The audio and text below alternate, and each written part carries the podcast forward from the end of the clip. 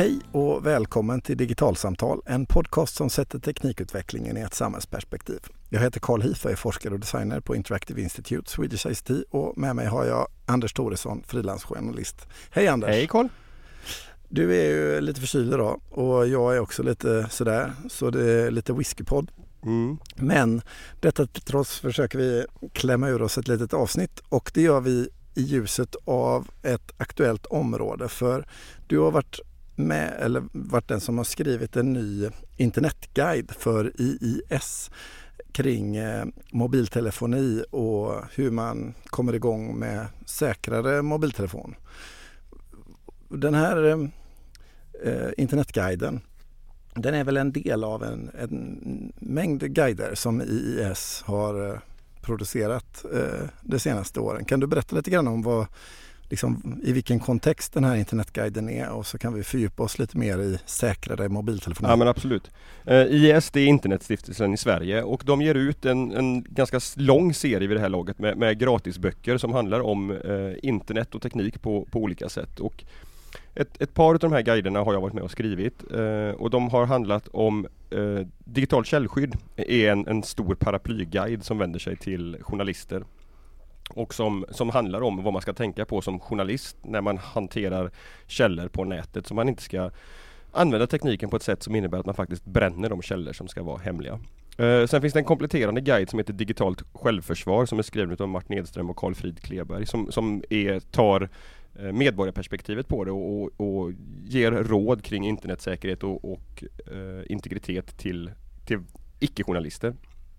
Och till båda de här två guiderna så finns det också ett antal extra material. Ett som heter Kom igång med Tor som handlar om hur man kan surfa anonymt. Ett som heter Kom igång med PGP om hur man kan skicka krypterad e-post. Och nu precis eh, förra veckan eller veckan dessförinnan så är den senaste kompletterande materialet då släppt som heter Kom igång med säkrare mobiltelefon som handlar om de integritetsrisker, de integritetsaspekter som finns när man använder eh, mobiltelefoner och som både journalister och journalisters källor men också människor i allmänhet kan behöva fundera på ibland.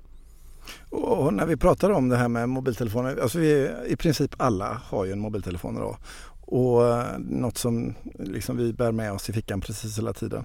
Och när du skriver den här så pratar du om säkrare mobiltelefoni och inte säker mobiltelefoni. Vad, går det inte att vara säker eller hur, hur går tankegångarna där och, och vad betyder egentligen säkrare mobiltelefoni? Alltså jag skriver ju en hel del om IT-säkerhet och föreläser om det också och jag är väldigt eh, försiktig med att använda ordet säker i de här sammanhangen därför att det, det upptäcks hela tiden nya säkerhetshål. Eh, det avslöjas hela tiden hur företag samlar in data på oss på sätt som vi inte vet och som kan vara problem i, ur de här aspekterna och så vidare. Så att De här råden som de här guiderna ger, både eh, digitalt källskydd, digitalt självförsvar och de här tillhörande guiderna, de, de gör eh, mig och andra internetanvändare säkrare. Men, men att därmed ta hela klivet ut och påstå att någonting faktiskt är säkert på nätet. Det, det vill inte jag göra och jag tror det är svårt att hitta någon annan som skulle vilja påstå det heller faktiskt. Och när vi då eh, kastar oss in i det här med mobiltelefonen och mobiltelefoni, på vilket sätt eh, eh kan man tänka sig att Eh, en mobiltelefon kan, liksom, vad är det för typ av information man kommer åt? Eh, eller skulle potentiellt sett kunna komma åt eh, hos någon i en mobiltelefon om man liksom agerar på ett sätt eller använder sin telefon på ett sätt som, som öppnar upp för osäkerheter?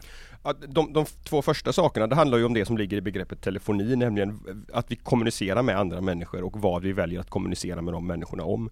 Och det handlar ju både om risken att man blir att ett telefonsamtal avlyssnas eh, men också att man kan se i samtalslogga vem man har ringt till eller alla de apparna som, som nu finns installerade i en modern smartphone som också är kommunikation mellan andra människor. Så att det är de två första liksom, uppenbara sakerna, vem man kommunicerar med och om vad.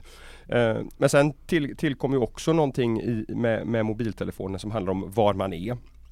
Därför att både mobilnäten eh, håller ju koll på det här men också GPSen och alla de apparna som finns installerade i mobiltelefonen håller ju också koll på information om var någonstans telefonen och därmed med stor sannolikhet också telefonens ägare befinner sig.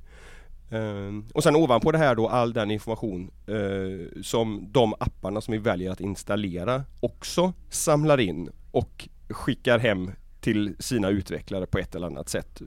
Ibland för att användas i eh, marknadsföring och reklamsyfte, ibland utav, utav andra skäl. för det är lätt att tänka att liksom det som är data i mobiltelefonen det är ju liksom det jag ringer och mina sms och andra meddelandetjänster i olika appar. Kanske liksom mina foton som jag har tagit, de är också geografiskt positionerade och sådär såklart.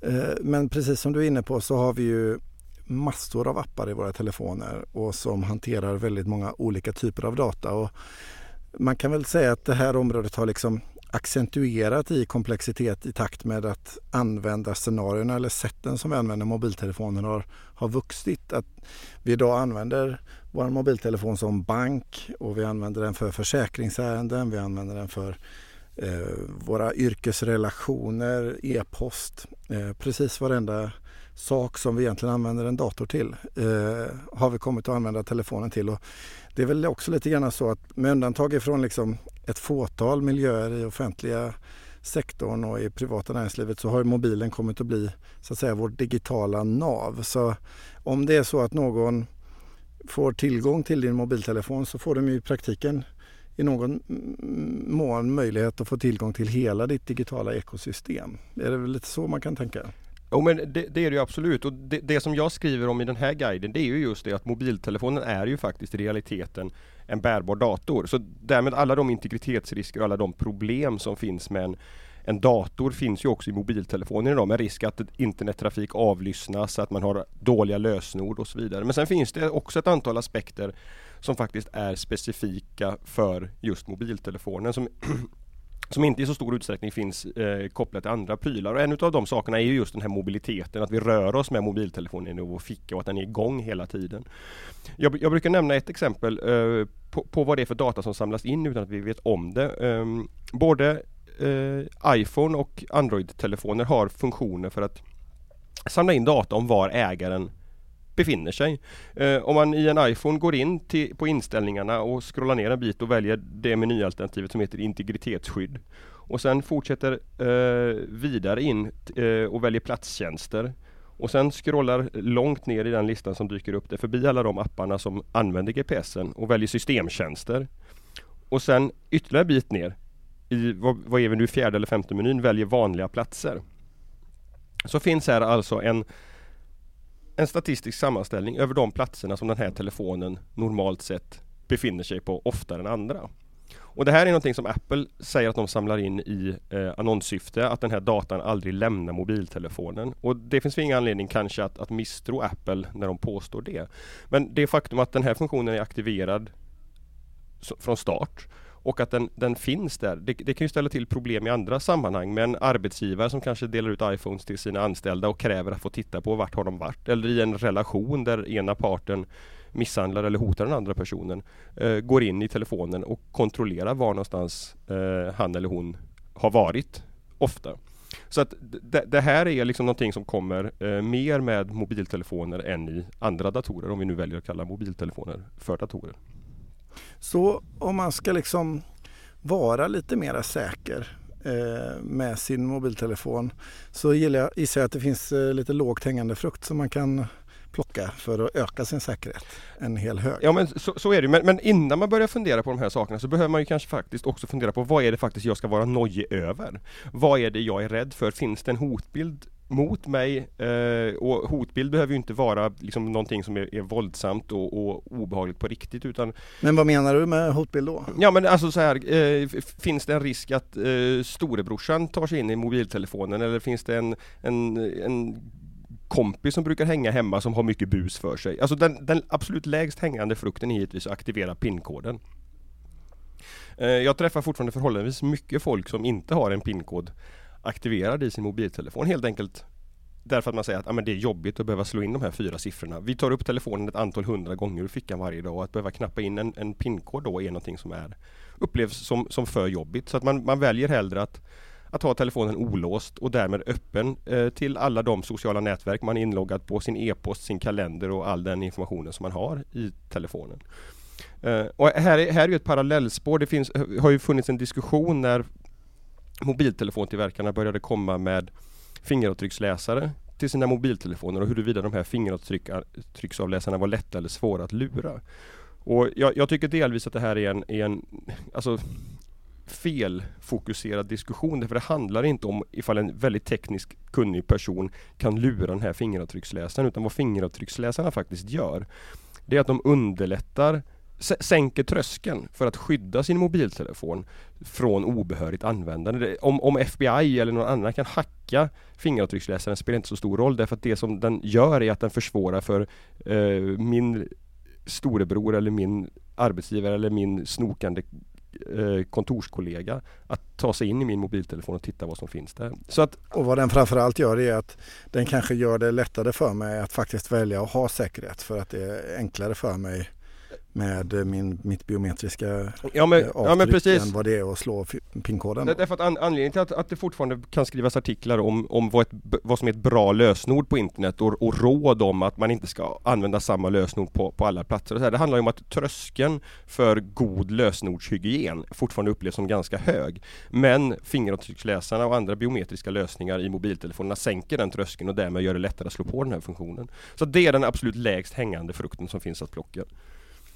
Ehm. Och sen vad gäller liksom att ha data i sin telefon och, och eh, när man funderar över liksom, eh, ja, ens, eh, vad det finns för risker eh, omkring en. För oss, de allra flesta av oss, så, så handlar det om ett skydd ifall telefonen blir stulen eller ifall eh, ehm, man vill eh, av mängder av olika goda skäl skydda eh, sitt, eh, sitt privatliv i sin telefon i dess allra liksom lägsta nivå, ungefär som att jag väljer att låsa ytterdörren till mitt hus eller något i den stilen.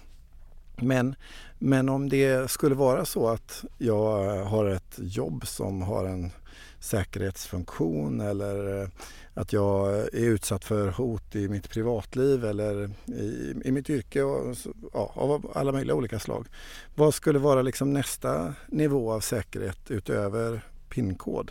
Ja, här handlar det återigen då, vad, vad, är det man egentligen är orolig för? En, en sak som det pratas en, en del om det är ju det här med, med krypterade meddelanden.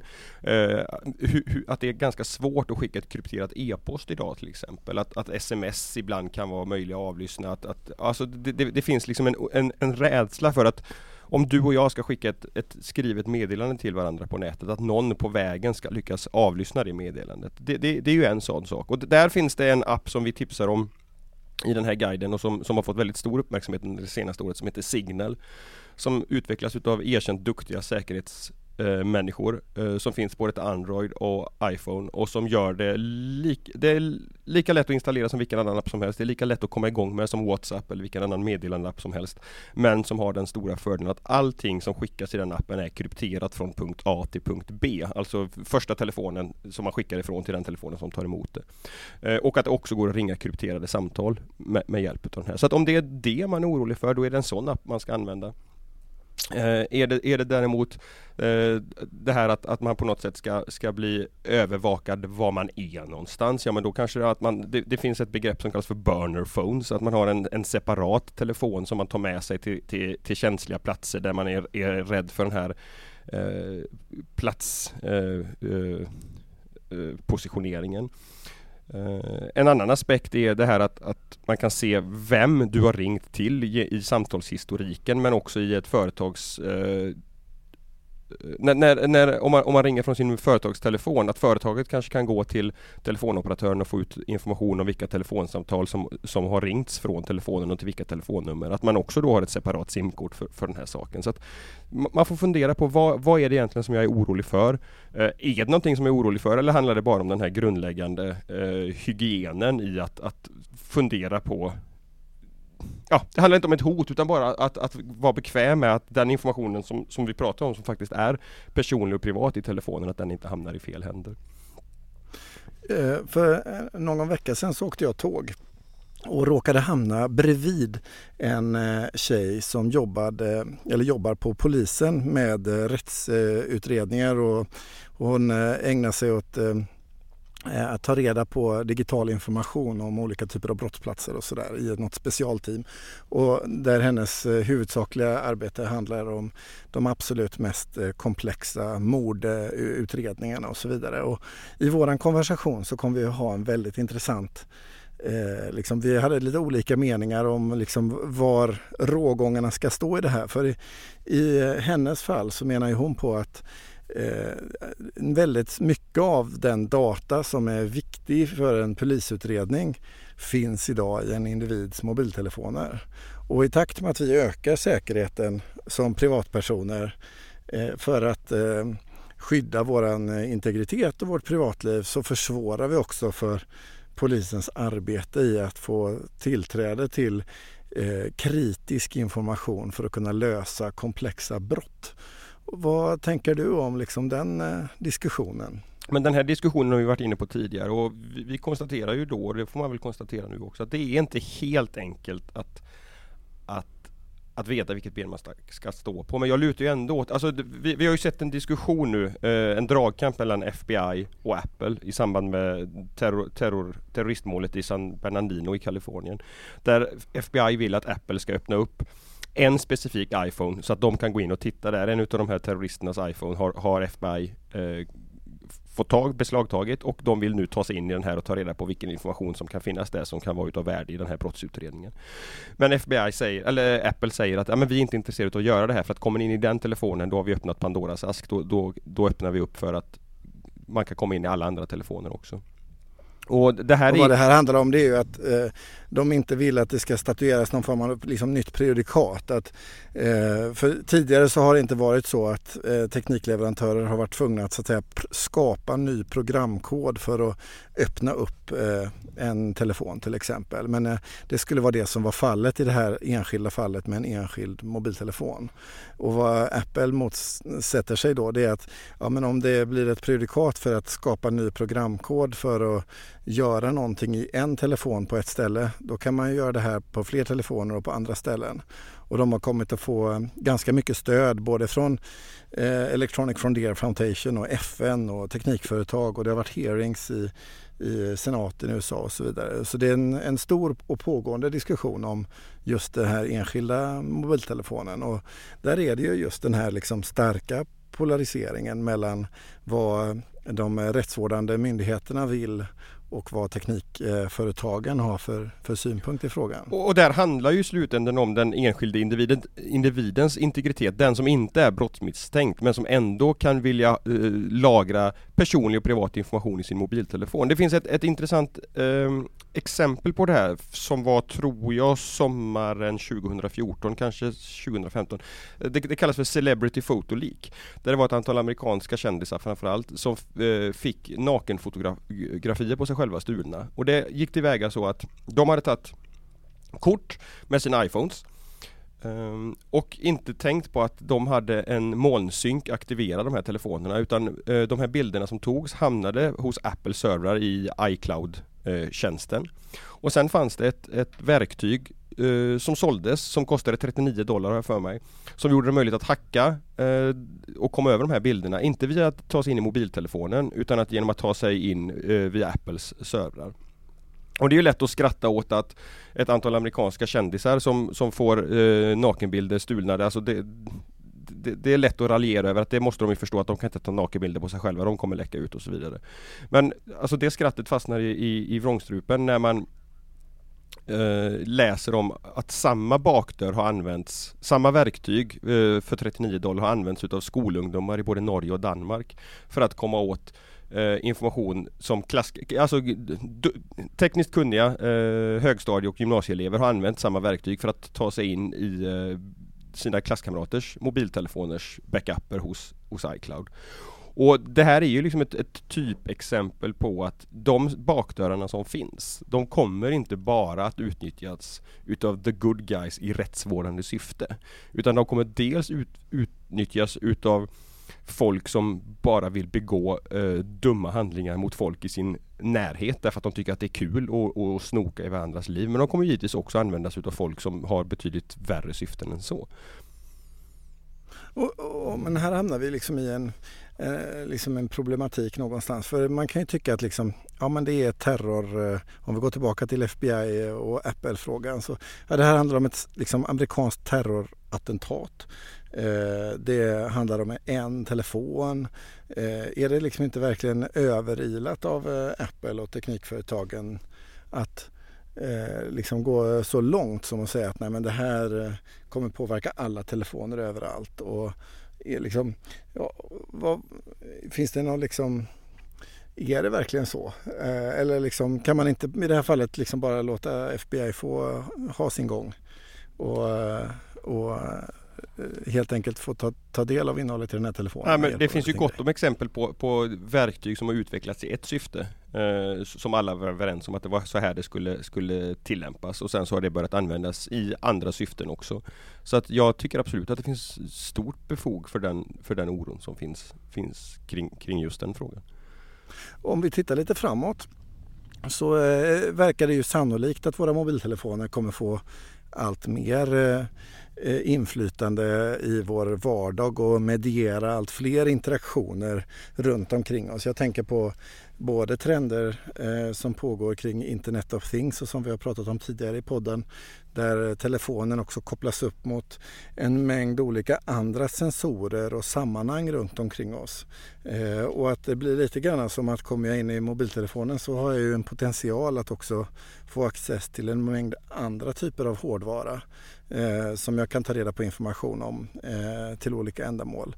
Men sen också såklart eh, uppkomsten av nya sätt att eh, komma till uttryck genom sin telefon med nya typer av appar och tjänster som vi kanske inte riktigt vet om sedan tidigare. Alltså, och det, det känns som att Eh, det är liksom hela tiden en dragkamp. Eh, och man kan se trender av liksom hur också en ny generation eh, mobilanvändare föredrar viss typ av liksom privat ett visst mått av privat interaktion och där eh, spår ska kunna suddas ut. Jag tänker på liksom hela den här generationen som har vuxit upp och där mobiltelefonen alltid har funnits i deras vardag. Eh, några kallar det för liksom appgenerationen och så vidare. Eh, och då, jag tänker på appar specifikt som till exempel Snapchat som när den kom just marknadsfördes på det sättet att Eh, information som du använder i den här appen den kommer suddas ut och försvinna snabbt. Eh, så du går att så att säga jobba eller visa eller publicera data som kommer försvinna väldigt fort och så kan du känna dig trygg med det. Eh, och efter Snapchat så har det kommit andra appar som kanske faktiskt har lyckats bättre med säkerheten. Jag tänker på en eh, app som har blivit väldigt populär över den senaste tiden heter Telegram som är en slags WhatsApp eh, men också med möjligheten att kunna ställa liksom tidsinställning på hur länge ett visst meddelande ska finnas innan det raderas och med kryptering och så vidare. Men, så... men det är det faktiskt också ska sägas att Telegram har haft sin beskärda del med, med säkerhetsproblem också. Absolut. Mm. Och, och, och, det är lite dit jag vill komma. Att både, äh, både Telegram och äh, Snapchat och många andra tjänster äh, de säljer sig just på att ha en hög säkerhet och att det finns en slags tillfällighet i datan som är där, att den faktiskt försvinner och så vidare. Och att många användare känner att det finns en trygghet i det. och det uppstår liksom användarinteraktion specifikt kring den här tillfälliga datan. Eh, så kan det vara så över tid att liksom ju mer telefonen kommer att bli en integrerad del av liksom vem vi är eh, i vår vardag, att den också blir allt viktigare för oss att förhålla oss till ur ett säkerhetsperspektiv. Ja men det, det tror jag absolut och det, det, finns ett antal olika aspekter på det här. En, en är det här att det är väldigt svårt, alltså när, när, när du använder webbläsaren i din mobiltelefon så kan du se om, om den använder en krypterad förbindelse eller en okrypterad förbindelse för då står det HTTP eller så står det HTTPS som står för Secure först i, i webbadressen och ofta nu för tiden så är det till och med så att i gränssnittet så, så symboliseras eh, den här säkra uppkopplingen med ett hänglås och så vidare. Men om du använder en app så har du ingen aning om hur den skickar information från din mobiltelefon till sina servrar och det finns bland annat exempel på att Instagram hade eh, in, inte skickade data krypterat för ett och ett halvt år sedan ungefär. Och det finns andra exempel också där, där appen blir väldigt otransparent. Du, du, som, som användare har du bara att välja att lita på den eller inte lita på den men du vet faktiskt egentligen inte ett enda dugg om hur den fungerar bakom kulisserna. Den andra aspekten som också kopplar till det här att det här är en väldigt personlig teknik det är ju det här faktum att vi bär den här mobiltelefonen med oss hela tiden när vi rör oss på stan. Och det här har ju nu börjat användas med, med någonting som kallas för eh, iBeacons eller, eh, eller eh, Bluetooth LTE. Det, det, här är alltså teknik som gör det möjligt att, att, avgöra vilka mobiltelefoner som finns på en viss plats vid ett visst tillfälle. Det här är någonting som handeln bland annat har börjat använda för att kunna skicka personliga erbjudanden till personer som återkommer och, och så vidare. Men det här är också teknik och, och, funktioner som gör det möjligt att, att spåra vem som befinner sig på vilken plats. Vi har bland annat sett i Västerås stad där man använde Eh, en mobiltelefon eller vilken annan uppkopplad pryl som helst skickar hela tiden ut Är det trådlösa nätverket aktiverat så skickar den också ut information om eh, vem, vem den är så att säga. Det finns en, en hårdkodad eh, adress, en MAC-adress kallas det för, som, som är ett, ett unikt ID-nummer för varje pryl. Och det här informationen skickas ut hela tiden när den letar efter trådlösa nätverk och kopplar upp sig. Och det här har använts i, i städer i, i Sverige för att hålla koll på besöksflöden i stadskärnor till exempel. Jättebra teknik för det. Men där de fick på fingrarna utav Datainspektionen därför att de här MAC-adresserna faktiskt var att betrakta som personinf personinformation, personuppgifter och därmed hanterades på ett felaktigt sätt. Eh, så att, så att eh, vi, vi, bär runt på en personlig spårsändare som hela tiden talar om var någonstans vi befinner oss och det, det kommer givetvis också kunna ge sin beskärda del utav problem framöver. Och, så man ska liksom ge några korta snabba tips för eh, hur man har en säkrare telefon. Eh, så nummer ett kan man eh, surfa iväg till IS och läsa eh, guiden såklart. Absolut. Nummer två är att slå på eh, pinkoden på mobiltelefonen om inte det redan är gjort. Nummer tre tycker jag faktiskt är att installera Signal, den här krypteringsmeddelandeappen och se till att så många av dina vänner som möjligt också installerar den här. Inte för att ni nödvändigtvis har någonting att, att dölja men därför att det faktiskt är, är, bra att, att kommunicera så krypterat som möjligt. För man vet inte vad som kommer vara känsligt i, i, i framtiden eller vad man vill, vill skicka för meddelanden som man kan vara säker på att ingen annan eh, läser. Det tredje som jag tycker, eller fjärde blir väl då, det är att faktiskt använda mobiltelefonen som den här andra faktorn i det här med tvåfaktorsinloggningar som vi har pratat om tidigare. Att man när man ska logga in på Twitter eller Facebook eller sitt e-postkonto att man inte bara loggar in med ett med ett lösenord utan loggar in med, eh, utan också använder en engångskod som skickas till mobiltelefonen och den här funktionen går då att aktivera på de här tjänsterna. Så att när du ska logga in så matar du in ditt användarnamn, ditt lösenord och sen får du också mata in ett engångslösenord som skickas till mobiltelefon. Så att därmed kan mobiltelefonen användas för att göra din näts, nät, nätvardag säkrare och tryggare. Och ett sätt såklart eh, som vi inte har nämnt men som vi får eh, lägga in i show notesen också.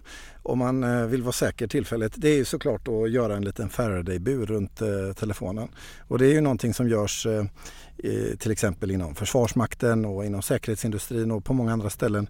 Man tar sin telefon och stoppar den i en plåtburk eh, och där den helt enkelt inte får någon radiokommunikation eh, möjlig under tiden som telefonen ligger där. Och det finns en eh, webbsida som heter killyourphone.com som man kan gå in på om man vill sy sin egen liten påse eh, för att fullständigt stänga av sin telefon ifrån omvärldens eh, pockande uppmärksamhet.